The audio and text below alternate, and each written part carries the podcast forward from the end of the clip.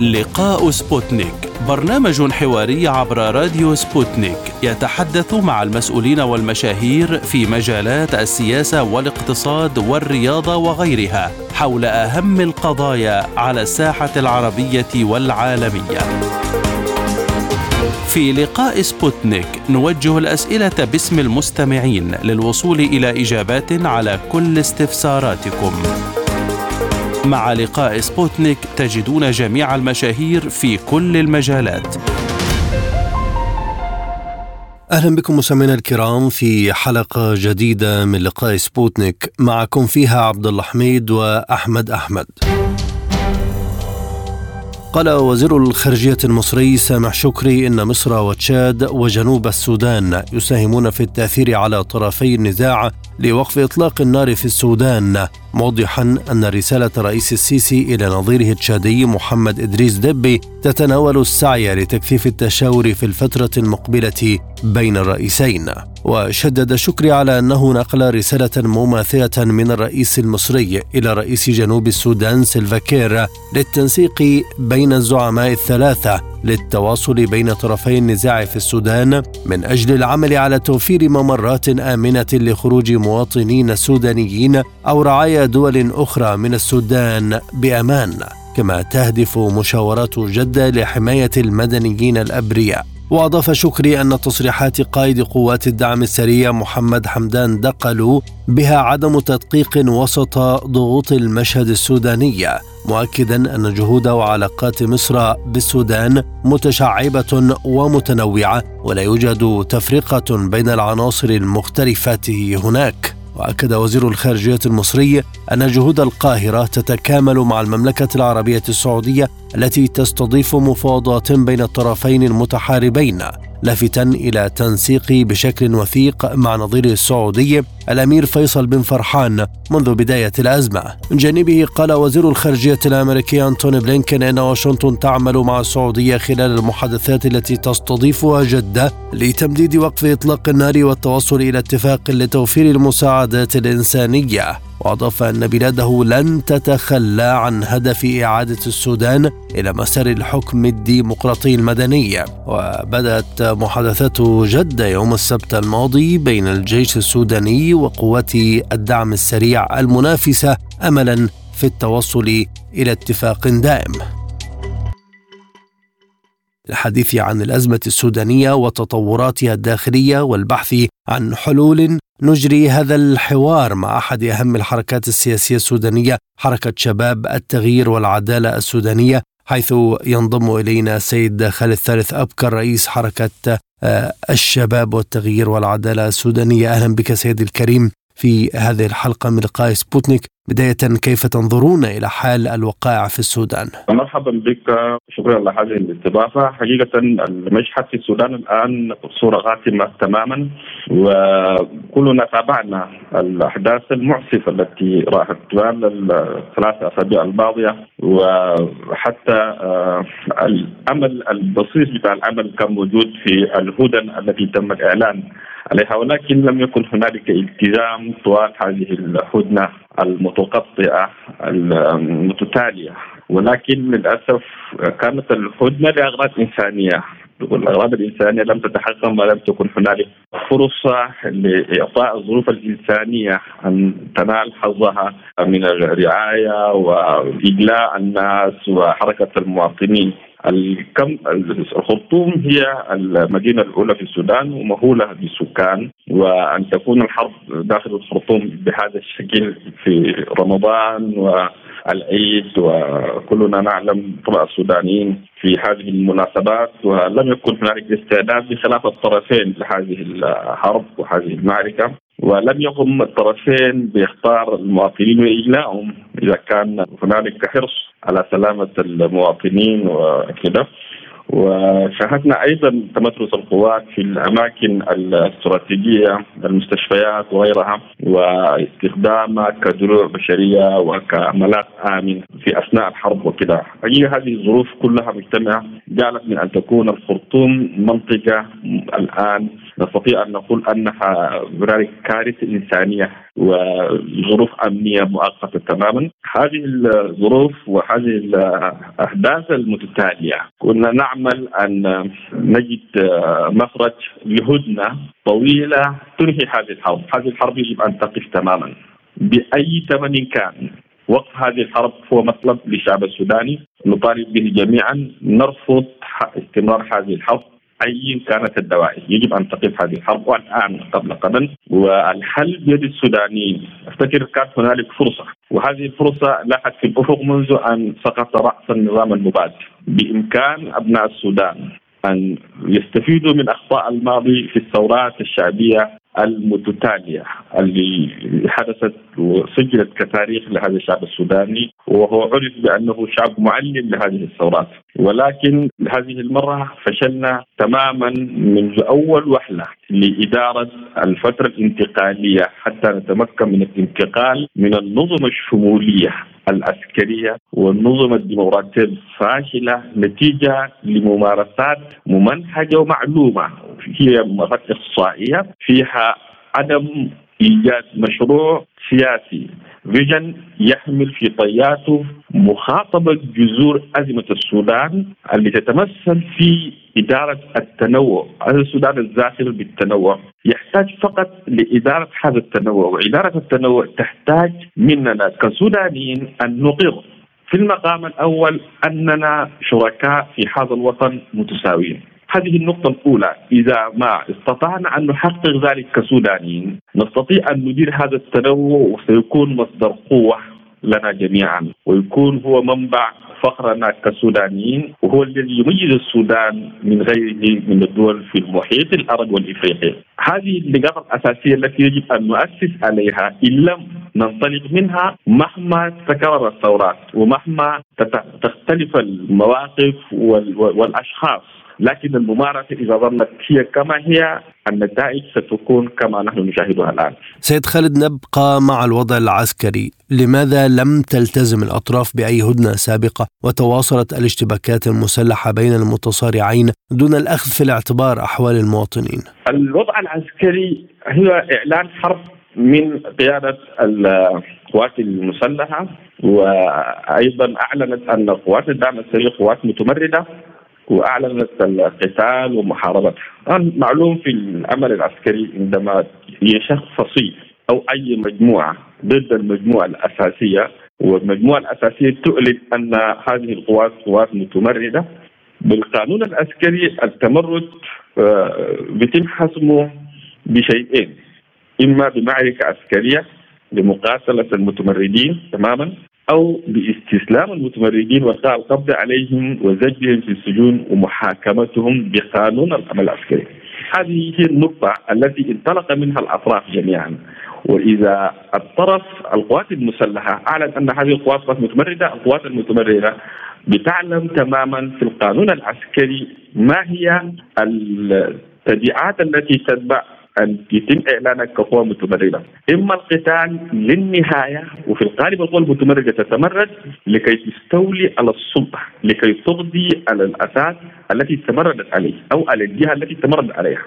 وفي هذه الظروف الذي يتمرد يكون استعد لأن يكون متمردا بكل آليات الحرب بكل آليات القتال.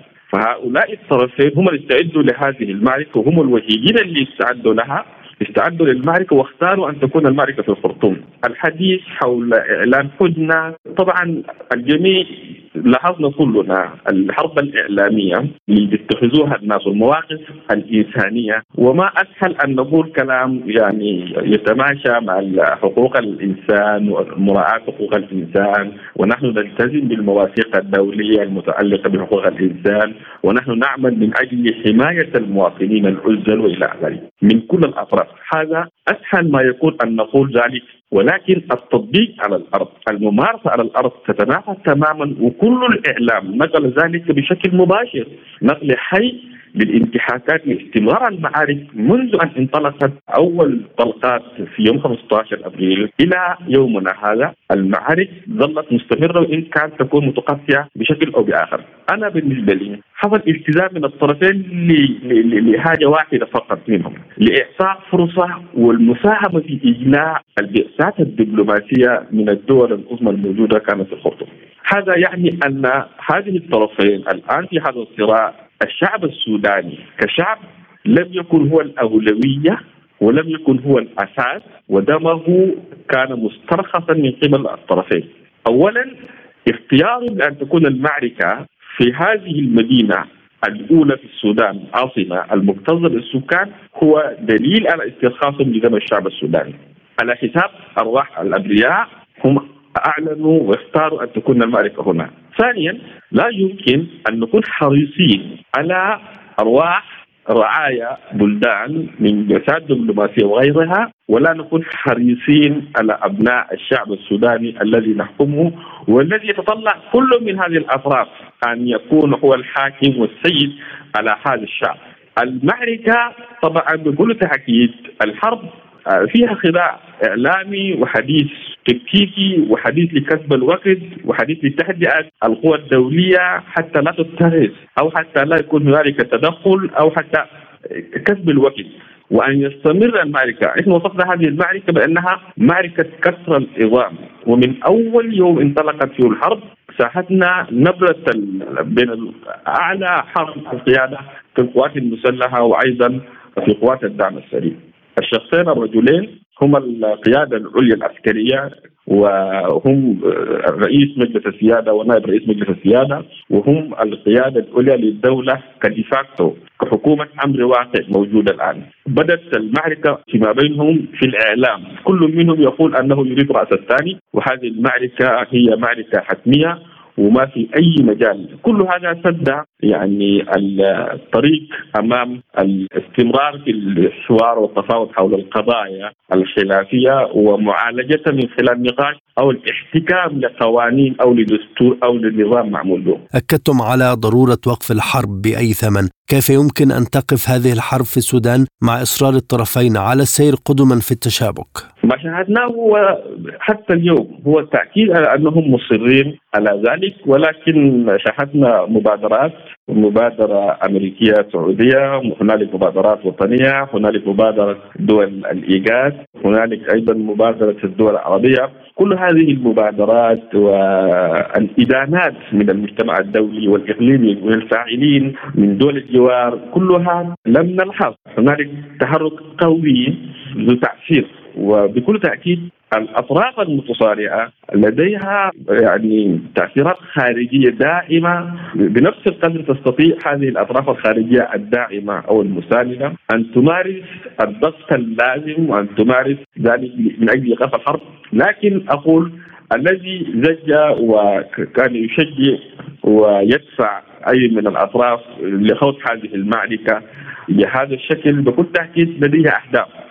دائما الأهداف الاستراتيجية اللي يتطلع إليها القوى سواء الدولية أو أو الوطنية ستكون هي الأساس. فيما عداها الحديث بشكل وباخر حول الهدنه حول الاتفاق سيكون تكتيكيا لذلك أرى أنه من الصعوبة أن نصل إلى لأنه لغة الطرفين وما سمعناه من تصريحات للقوات المسلحة لأنها تم حسم المعركه ما تبقى مجرد تمشيد لا تفاوض لا حديث حول هذه الأمور، هذا موقف أيضا يمكن أن يكون يمكن أن نقرأه في إطار أنه يكون موقفا تفاوضيا، وممكن أن يكون هو الموقف الأصلي في يعني موقفهم أن هذه المعركه حسب ما يجب أن يكون عسكريا لا رجوع للوراء لا يمكن أن تقف الحرب مهما كان.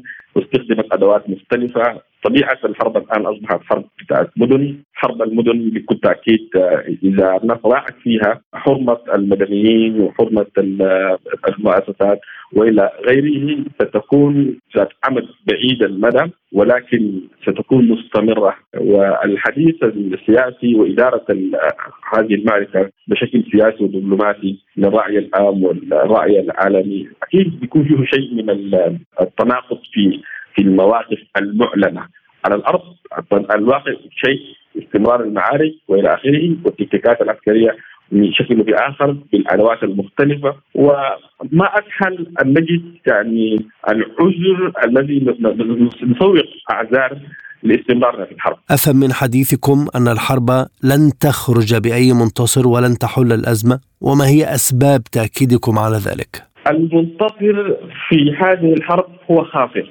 والخاسر في كل الأحوال هو السودان وهو الشعب السوداني. لذلك لا رابح في هذه المعركة ولا منتصر في هذه المعركة الجميع فيها خاسر والخاسر الأول السودان أكدنا ذلك لأننا يعني كما تفضلت أنه الحديث من الطرفين مواقف الطرفين تصريحات الطرفين القيادات الميدانية للطرفين كلها تحاول أن ترسم صورة صورة الانتصار وتؤكد أنها لا تراجع وأنها ستحسم هذه المركز أنها ستقاتل إلى آخر نفس. وبالمقابل نجحت تصريحات هنا وهناك لتطمئن الرأي العام والشعب السوداني بأنه مستعدين للذهاب للمفاوضات مستعدين لوقف الحرب مستعدين باشتراطات في مثل هذه الظروف واستمرار المعركة داخل المدن أعتقد أن هذا مؤشر واضح والقراءة واضحة جدا. إن هذه المعركه شكلها سيكون مستمرا بهذا الشكل إلى أن يستسلم أحد الطرفين ليؤكد انتصار الطرف الآخر ومن ثم تبدأ عملية في النهاية مهما كان الحرب نهايتها والحل الأمثل لمعالجة هذه الأزمة سيكون في طاولة التفاوض. التنوع الذي أشرتم إليه سيد خالد في السودان بالنسبة للأطراف السياسية والمدنية، أليس هو السبب في شكل الأزمة بالبلاد؟ التنوع عدم إدارة هذا التنوع هو السبب لهذه الأزمة الموجودة منذ الاستقلال إلى هذا اليوم مع أطراف عديدة ومختلفة. يؤكد أننا الأزمة الحقيقية في السودان هي إدارة التنوع هي الاعتراف والقبول بهذا التنوع والإقرار بمبدأ الشراكة الوطنية. لكل هذا التنوع في هذا الوطن. هذا الوطن لنا جميعا يسعنا جميعا بتنوعنا وإذا لم نستطيع أن ننطلق من هذه النقطة بإغرارنا التام فعلا وقولا. القول في هذا موجود إنه كل الشعب السوداني بهذا التنوع الثقافي العرقي الاسمي في جغرافيا في السودان وفي جغرافيا سياسية لهذا السودان هذه الجغرافيا بتنوعها لو ما أغرينا إنها كلها هي شريكة ولها دور أي جزء من هذا الوطن جغرافيا وأي جزء من مكوناته الاجتماعية هم لعبوا دور أن يكون السودان بهذا الشكل الآن. المعالجة تكمن في أننا نقر هذا الإقرار قولا وفعلا نطبق ذلك لنبدأ أن نشكل هذا السودان، لذلك كل هذا السودان بهذا التنوع يكون حاضرا في رسم مستقبله بإرساء دستور ثابت للبلاد. يتوافق عليه الجميع، نؤسس مؤسسات، نصلح ما عندنا من مؤسسات. لتكون شاملة نصلحها بحيث أن هذا التنوع يكون حاضرا فيها رأسيا وأفقيا. الشعب السوداني والقوات المسلحة هي مؤسسة وطنية قومية دائمة الجذور في قوامها الجندية فيها هذا التنوع موجود. ولكن في القيادة في خلل. لابد أن نخاطب هذه المسألة وأن نعالجها. لذلك الآن نرى عدد من الجيوش في السودان الذين يتقاتلون الآن جيشين. القوات المسلحة هي الأساس للجيش وللجيوش في السودان الخلل الموجود فيها أصبحت هنالك جيوش عدة لأسباب متفاوتة ومختلفة ولكن في الأساس نفس المشكلة هي اللي خلقت من هذه الجيوش أن تكون موجودة. الحل ليس بإدماج الدعم السريع فقط في القوات المسلحة وهذه هو سبب وصول هذا الوضع الصراع ان وصل إلى هذه الحرب الموجودة الآن. أن نخاطب هذه الأزمة شاملة. تشمل كل الأطراف وكل هذه الجيوش. لنؤسس لجيش وطني قومي يحمي الدستور الذي شارك فيه أبناء السودان كلهم بلا استثناء بلا إقصاء لأي سبب كان. ومن ثم نذهب لنؤسس مؤسسات عملية الانتقال. في فترة انتقالية نذهب جميعا كشعب سوداني إلى صناديق الاقتراع لننتخب قيادة من الشعب السوداني وفقا لمشروع وطني تطرح القوى السياسية كتل أو أحزاب لينتخب الشعب السوداني الكتله التي تقوده. ونبدأ من هنا ممارسة التداول السلمي للسلطة. هذا هو الحل للأزمة السودانية. ولكن إن لم نصل لهذا ستستمر الحروب. سينقاد السودان إلى حرب أهلية لا سمح الله شاملة وأنا لا أتمنى ذلك. وهذا سيقود السودان إلى أسوأ مما هو الحال عليه الآن. وهل الأطراف التي تنازعت على نقاط عدة في الاتفاق الإطاري على مدار أشهر، هل يمكن لها أن تذهب إلى شكل سياسي يجمع كل السودانيين حول مسار وطني جامع حتى الذهاب للانتخابات؟ هذا هو الحل الوحيد الذي يمكننا كسودانيين كقوة سياسية كقوة فاعلة أن نذهب إلى أن نذهب بالسودان نحو الاستغراق. أي تمسس وأي حديث حول اتفاق اطاري لقوى سياسية محدودة دون الآخرين. أي حديث لدمج وتأسيس قوى عسكرية ما بين الجيش والدعم السريع بمعزل عن بقية الجيوش التي وقعت على اتفاقية سلام جوبا والتي لم توقع على اتفاقية سلام جوبا. هنالك جيوش لم توقع على حتى اتفاق مع القوات الموجودة مع الحكومة الأمر الواقع الموجودة وهي أكثر من القوى التي وقعت إلى اتفاقية جوبا نفسها. إن لم نؤسس ونعود بالمشهد إلى نقطة التأسيس، بداية التأسيس الانتقال، هذا الوضع هو مشوه كما كان في فترة الإنقاذ، كما كان في فترة النظام المباشر، الأربع سنين أو الثلاث سنين في الفترة الانتقالية مشوهة بذات التشويه أو اسوء من ذلك. إن لم نرجع لنقطة التأسيس من البداية. الآن بعد هذه المعركة أقول أنها جبت كل ما قبلها من اتفاق إطاري من إجراءات 25 أكتوبر من اتفاق آه، وثيقة آه، سلام وثيقة دستورية. كل هذا الآن أصبح لاقيا أصبح لا يجدي نفعا. وعلينا أن نتعلم من هذا الدرس المؤلم. نتعلم منه أن نذهب جميعا ونسمو فوق كل جراحاتنا.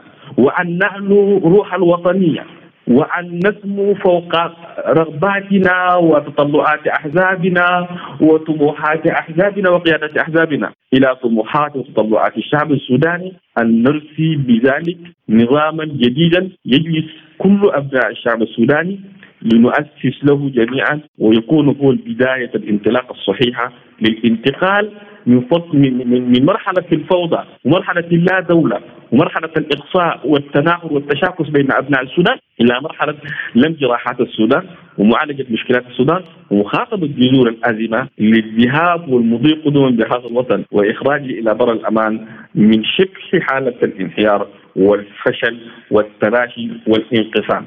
نحن ذقنا بعد عمر طويل من الحرب.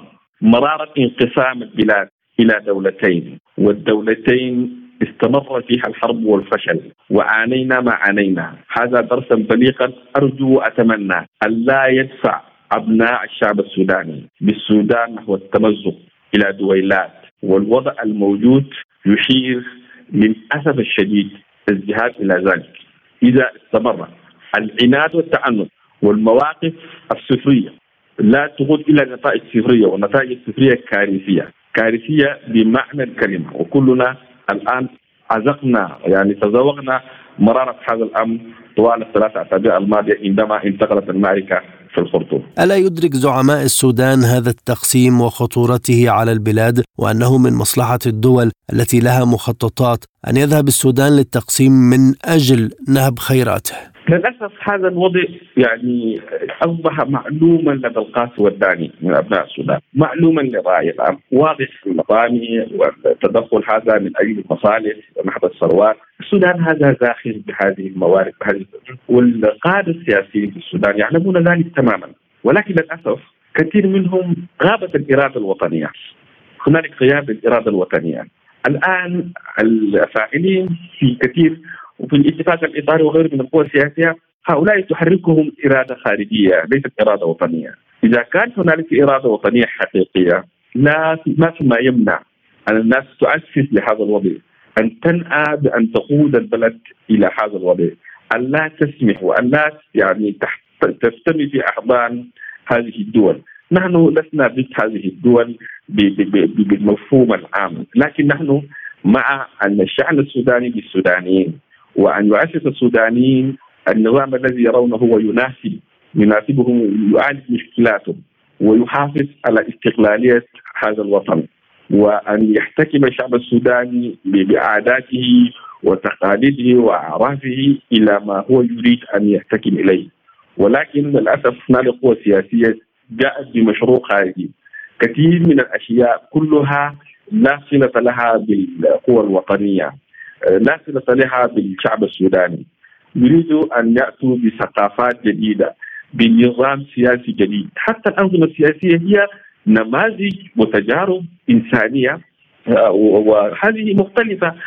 كل دولة بتركيبتها السكانية والثقافية ما يكون مناسبا يمكن النظام الذي تراه مناسبا في أحد الدول المتقدمة وتقدمت آه، بهذا النظام قد لا يصلح أن يكون نظاما صالحا للسودان. ولأهل السودان لذلك أنا أفتكر أنه القوى السياسية هي ذلك وهذا معلوم بالضرورة والحديث حوله كثير وأصبح شائعا لكن هي تريد أن تصل إلى سدة الحكم بأي بأي شكل على زحف محمولة من القوى الأجنبية ولذلك لم تحقق للشعب السوداني شيء في لصالحه إنما تحقق لمن جاء بها لسدة الحكم مصالحهم وهؤلاء إذا جاءوا محمولين عبر السفارات وعبر محاور خارجيه لا يحققوا للشعب السوداني أي مصلحة بسوى المصالح سيحققوا لمن جاءوا بهم آه، مصالحهم. إحنا نفتكر إنه الآن البلد وصلت لمرحلة كل الناس تعي هذا الدرس وبعد هذه المعركه أكيد القوى السياسية ستعيد نظرتها وهذا ما تليه الظروف. وما في مجال إلا هذا.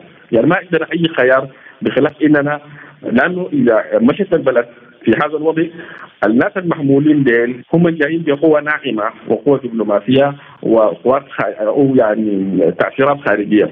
الجيوش الموجودة والحرب دائما لا مجال فيها للحديث السياسي. سيكون المجال فيها لغة الحرب ولغة الانتصار وكذا. فنحن ما عايزين نمشي في هذا الإطار. عشان كده في ناس كانوا بيفتكروا إنه عندهم رؤى محددة وصفة جديدة للمشهد السياسي السوداني ده. دي ما باتت مفيدة الآن ونتائجها تتغوط إلى ما هو اسوء زي ما هسه قلنا. إحنا عايزين إنه كل الناس يعيدوا ويجب أن نتجه نجدد هذا الخطاب من الآن. نقول عندنا خطاب واضح جدا خطاب تصالحي مع أنفسنا في المقام الأول. نرضى نرضى ببعضنا البعض.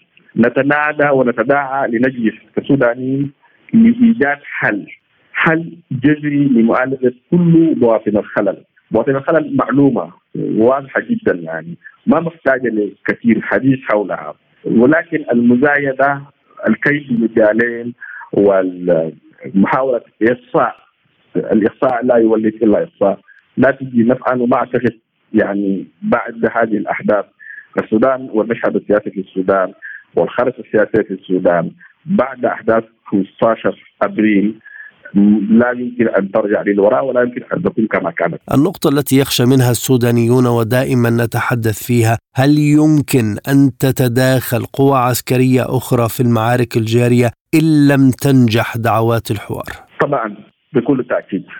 كثير وكل الجيوش الموجودة الآن مكتفية وظلت موجودة واكتفت بدور المشاهد، لكن لا يمكن نحن في حركة شباب التغيير والعدالة السودانية وهذا موقف كثير من الحركات المسلحة الموجودة.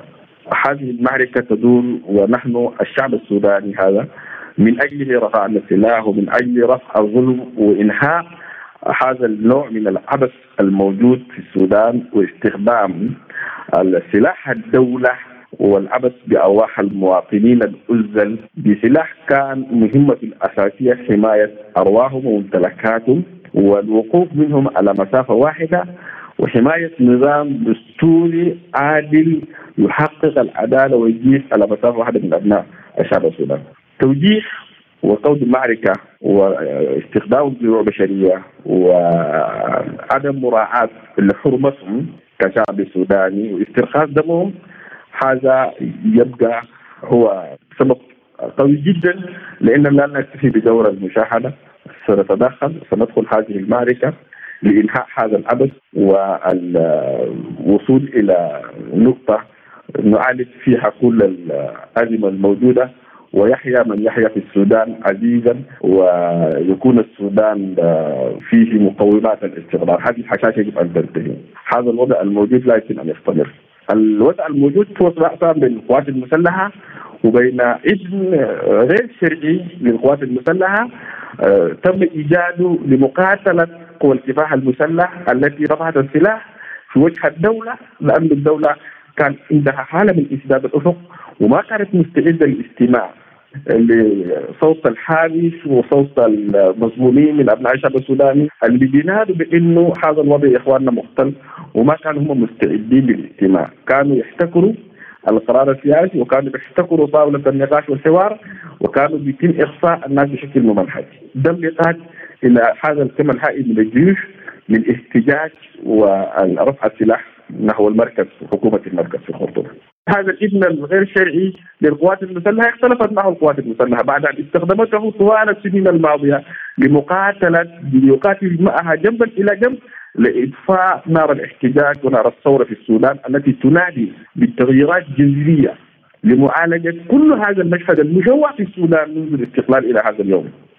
اختلفت معه ودار المعركة في الخرطوم. نحن نرفض ذلك ندين ونطالب أن يوقف هذا وإلا. إلا هذه ستقود إلى تدخلنا العسكري المباشر في هذه المعركة وقتها سنقاتل حتى نوقف الحرب. عندما نوقف الحرب ننادي ان نعيش نحن لسنا ما جايين نقول إنه كل هؤلاء لأنهم أخطأوا لأنهم ارتكبوا أن ينصروا جميعا.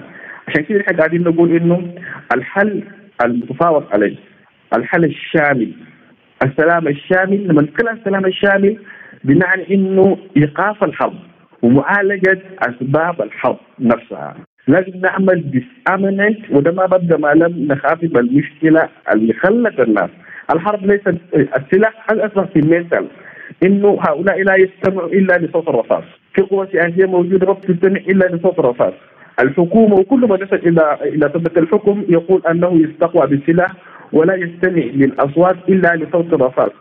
لذلك هذه الحرب ولذلك هذه الجيوش ولذلك هذه الآلة الموجودة كلها أرجو أن يستمعوا هؤلاء الناس وأن يعيدوا النظر في القوات المسلحة وفي القوى السياسية التي تزين القوات المسلحة وهي الحاضنة السياسية وهي التي ترسم وتمنهج هذا الوضع بشكل سياسي. هي أزمة سياسية بامتياز. تستخدم فيها القوات المسلحة بالكبت ظنا أن القوى العسكرية هي القوى القابله التي تستطيع. الشعب السوداني ما بعد يمكن أن يحكم بنظام عسكري وبقبضه عسكرية. الشعب السوداني لا يحكم إلا بنظام يتراضى عليه الشعب السوداني. عادلا يقف على مسافة واحدة من الجميع. يريد هذا التنوع. يؤسس لوطن يسعى الجميع بكل ما تحمل هذه الكلمة من معنى. أين دور القوى المدنية المشاركة في العملية السياسية في ظل الحديث دائما على أن يكون الحل داخليا والحوار وطنيا جامعا؟ نحن أيضا نقول الحل يجب أن يكون داخليا والحوار يجب أن يكون وطنيا وطنيا خالصا نثمن جهود دول الجوار الدول الصديقة أصدقاء السودان المجتمع الدولي ولكن دوره يجب أن يكون دورا إيجابيا أن لا ينحاز لفئة دون الأخرى وأن لا يتدخل في الشأن السوداني. هنالك عدة طرق يمكن أن يساعدوا فيها وأن يرأوا فيها الحوار الوطني الوطني ولكن يجب أن يقفوا في دور المسهلين الميسرين التقنية يقدم ولكن الشأن أن يكون السودانيا خالصا. القوى السياسية الوطنية هي لعبت دور ثالث طوال الفترة الماضية في فترة في الفترة الانتقالية هي التي زجت وقادت بالقوات إلى أن تصل لهذه المرحلة لأنها كلها تسابقت نحو الكرسي تسابقت لتكون هي البديل على ركام النظام المبات هذا التسابق هذا التدافع الغير مشروع. المشروع هو الذهاب للانتخابات. التسابق نحو الذهاب للانتخابات. التسابق نحو الذهاب إلى صناديق الاقتراع الرجوع للشعب السوداني وهذا ما لم يتم. يجب على القوى السياسية أن تعي شيئا واحدا. وكل هذه القوى السياسية تعلم وتريد أن تكون هنالك شرعية. الشرعية في نظام أي حكم مدني لقوى سياسية مستمدة من الشعب نفسه. وهذا سيتم عبر آليات معلومة هي صناديق الاقتراع من خلال انتخابات حرة نزيهة يشارك فيها الجميع دون إقصاء حتى يحترف ويعترف ويقر ويقبل نتائجها كل القوى السياسية التي شاركت.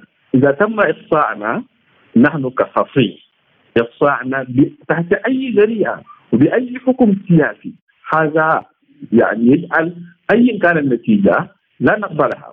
لكن عندما نشارك ونشارك في وضع الأطر التي يحتكم لها الناس ونذهب عبرها إلى الانتخابات ويفوز أي الذي يفوز نعترف ونقر وسنعمل ونلتزم وننتظر إلى أن تأتي الانتخابات بعدها لنتنافس معه في انتخابات حرة ونزيهة.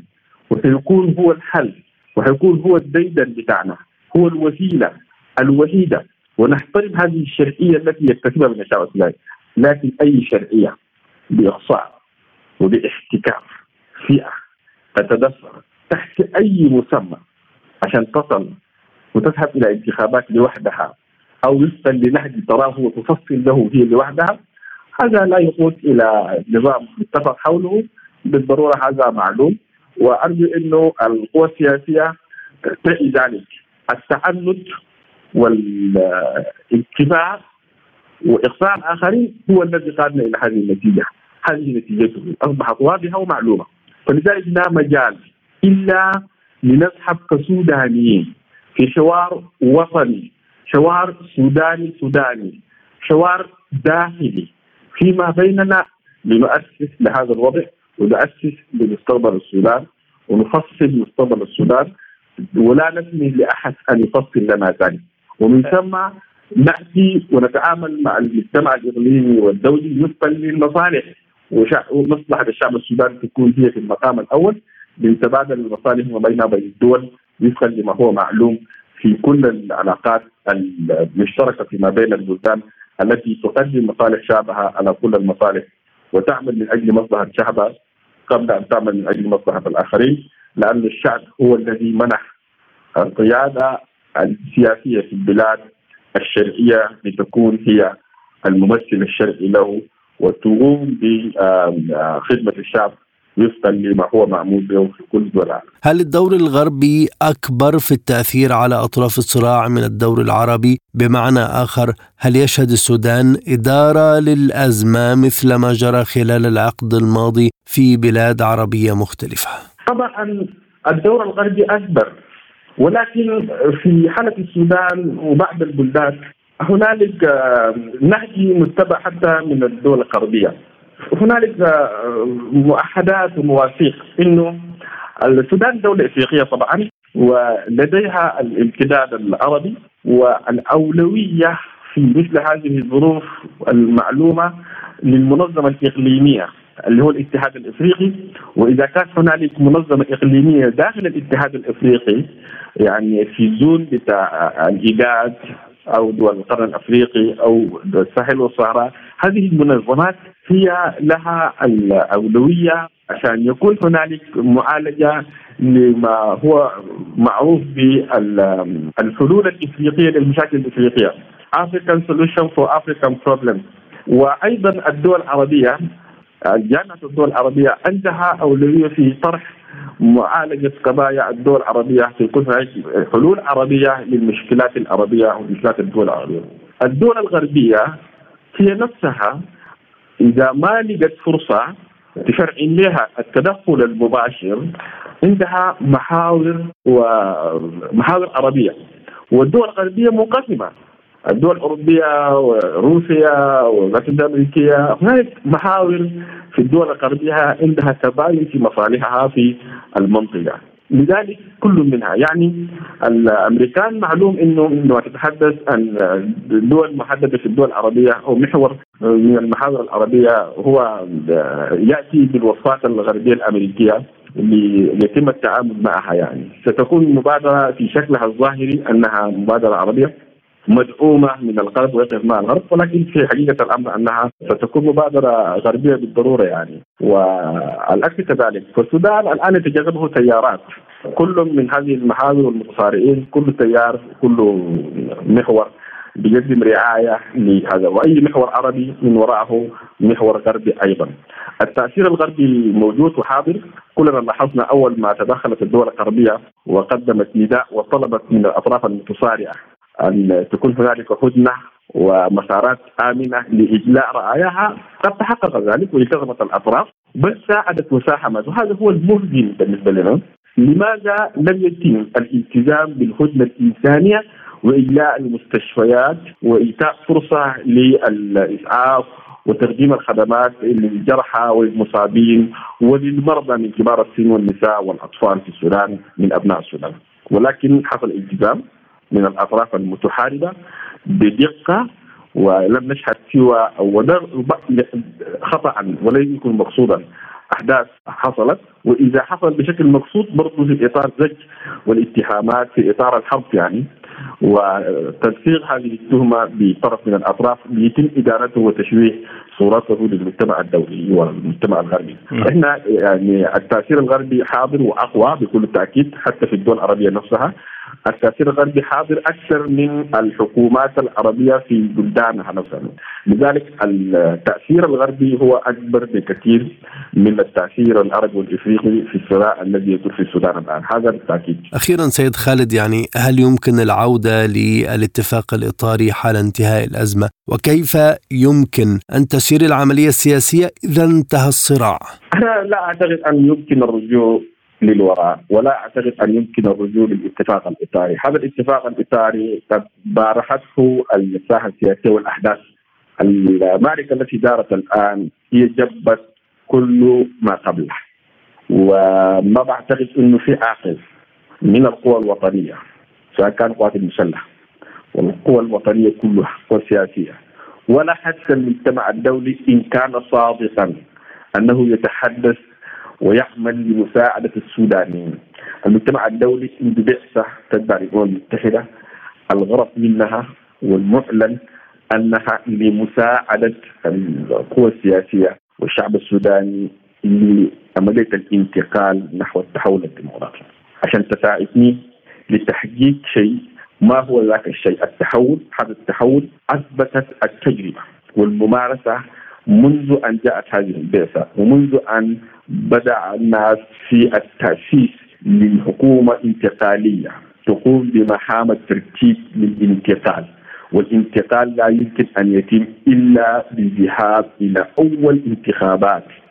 هذه الفترة هي الانتقالية تنتهي لنبدأ فترة التحول الديمقراطي والتحول الديمقراطي يبدأ بالممارسة الديمقراطية والاستحقاق الديمقراطي الأول هو الانتخابات.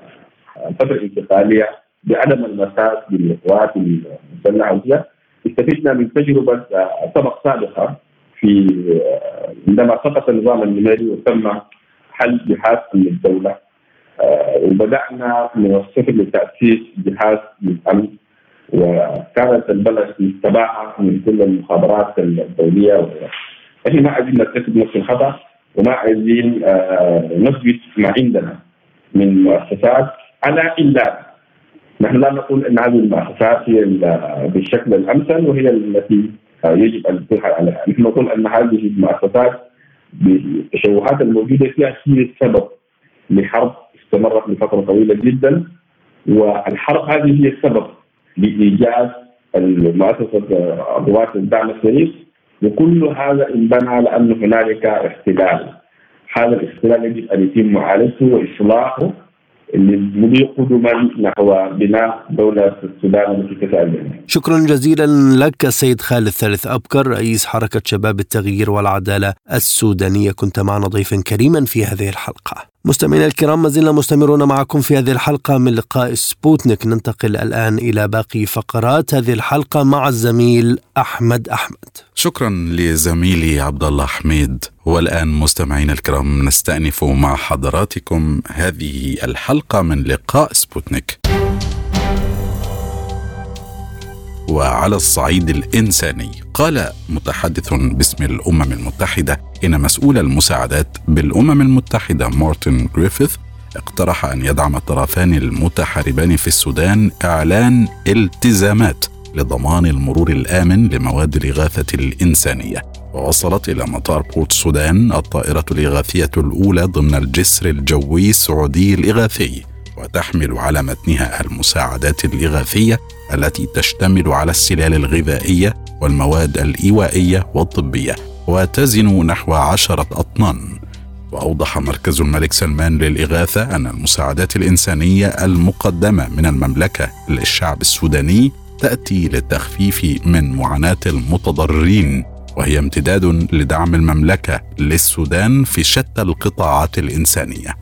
وللحديث عن دور الأحزاب السودانية ورؤيتها لما يدور في السودان نتحدث إلى السيد إبراهيم حامد رئيس حزب الأمة السوداني بفرنسا. نرحب بكم على راديو سبوتنيك سيدي الأستاذ إبراهيم حامد. بداية لماذا طالت المفاوضات بين وفدي الجيش والدعم السريع في السعودية؟ آه، لكم التحية وعبركم آه، للمستمع الكريم. في البداية الرحمة والخلود لكل أرواح الشهداء الذين سقطوا جراء هذه الحرب وفي الحروب التي أو الحروب السابقة. في هذه الأيام نشهد آه، نتيجة للحرب الدائرة آه، في السودان وخاصة الخرطوم. آه، في المبادرة السعودية الأمريكية التي جاءت قبل أيام وهي بمدينة جدة بالمملكة العربية السعودية. بدأت قبل ثلاثة أو أربعة أيام.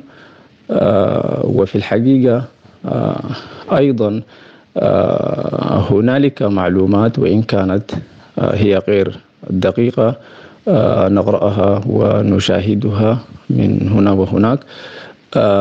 فهي في مجملها غير غير صحيحة لأنه لا زالت المفاوضات هي في محل شبيه بالتكتم. ولكن ما نعلمه أن المفاوضات لا زالت في في طاولة الحوار والنقاش آه، بين الطرفين القوات المسلحة السودانية وقوات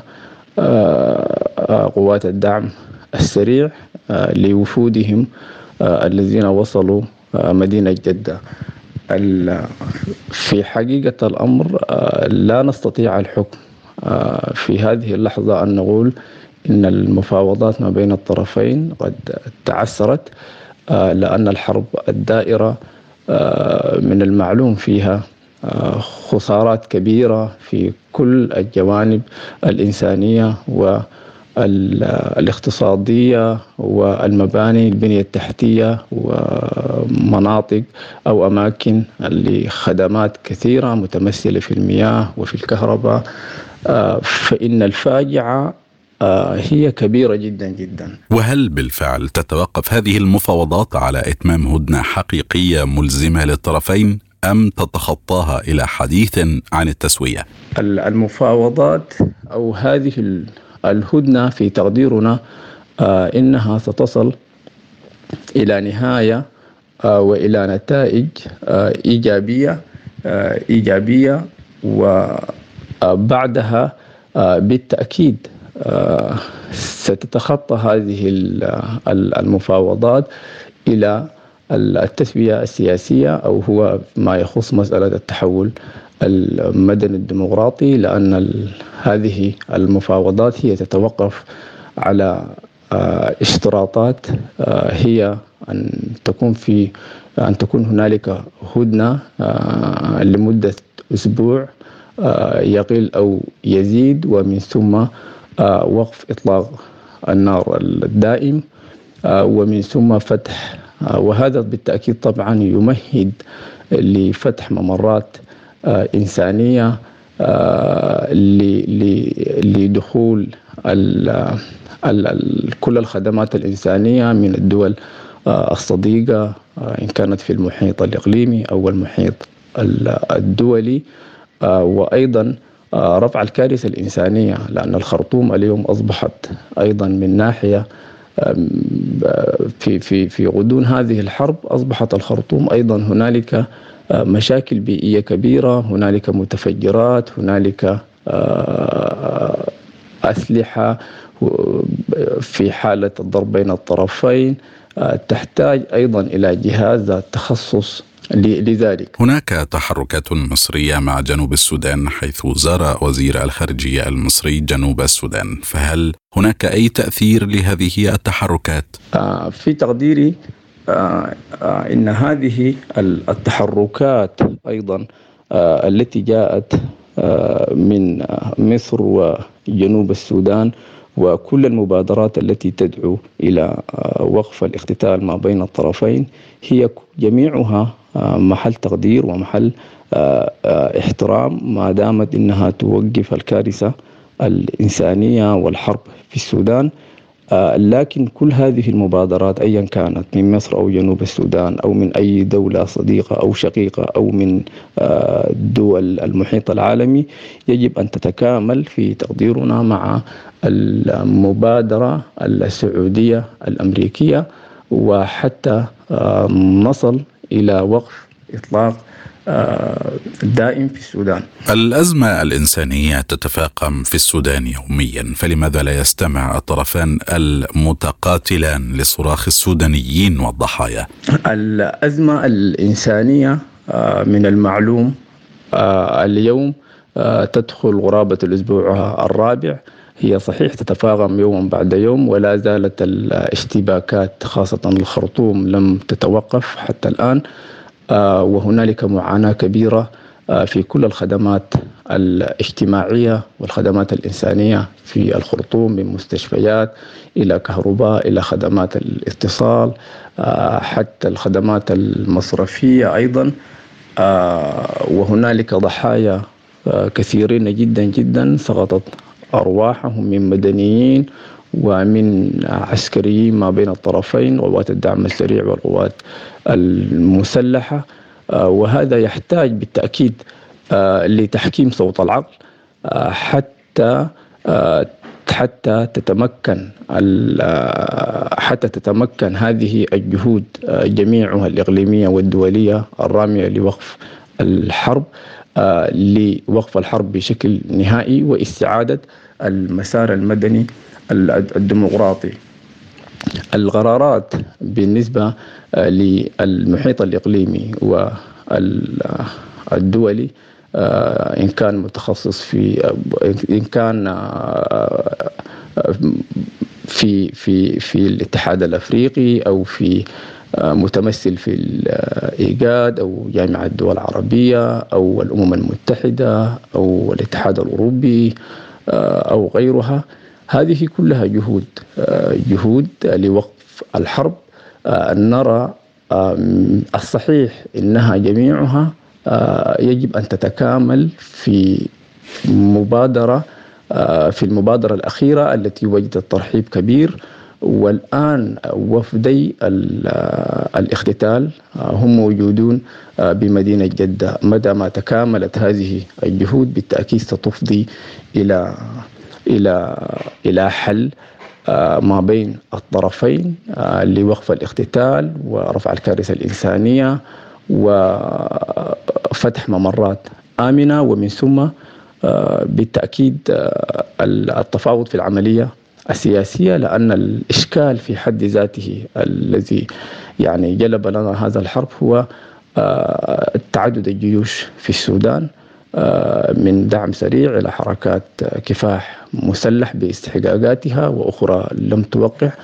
آه، هذا الواقع موجود قبل ثورة ديسمبر المجيدة 2019 موجود منذ وقت طويل وهذا بالتأكيد يحتاج إلى آه، إصلاح وإلى علاج آه، حقيقي يفضي إلى النأي بالمؤسسات العسكرية أو بالجيوش خارج العملية السياسية ولإصلاح آه، حقيقي لجيش مهني قومي باختصاصاته المعروفة حماية أرض الوطن وسيادته وحدوده وحماية وسلامة أمن المواطن. أيضا لماذا لا توجد أي قرارات من الأمم المتحدة أو مجلس الأمن لإيقاف هذه المعارك؟ بالنسبة لكل الهيئات الدولية أو الدول الصديقة الشقيقة دول العالم في كثير مما جاءت به هي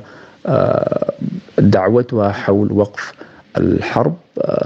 وقف الاقتتال ما بين الطرفين وقف دائم وكأنها قالتها بشكل واضح وصريح كثير من الدول في المحيط العربي والإفريقي والدولي لا للحرب نعم للسلام وهذه بادرة بالتأكيد هي محل تقدير ختاما وإجمالا سيد إبراهيم ما هو دور الأحزاب والحركات المدنية حتى الآن في السودان؟ في جهة أخرى أيضا الدور الأحزاب السياسية وحركات الكفاح المسلح وخاصة الموقع على اتفاق جوبا.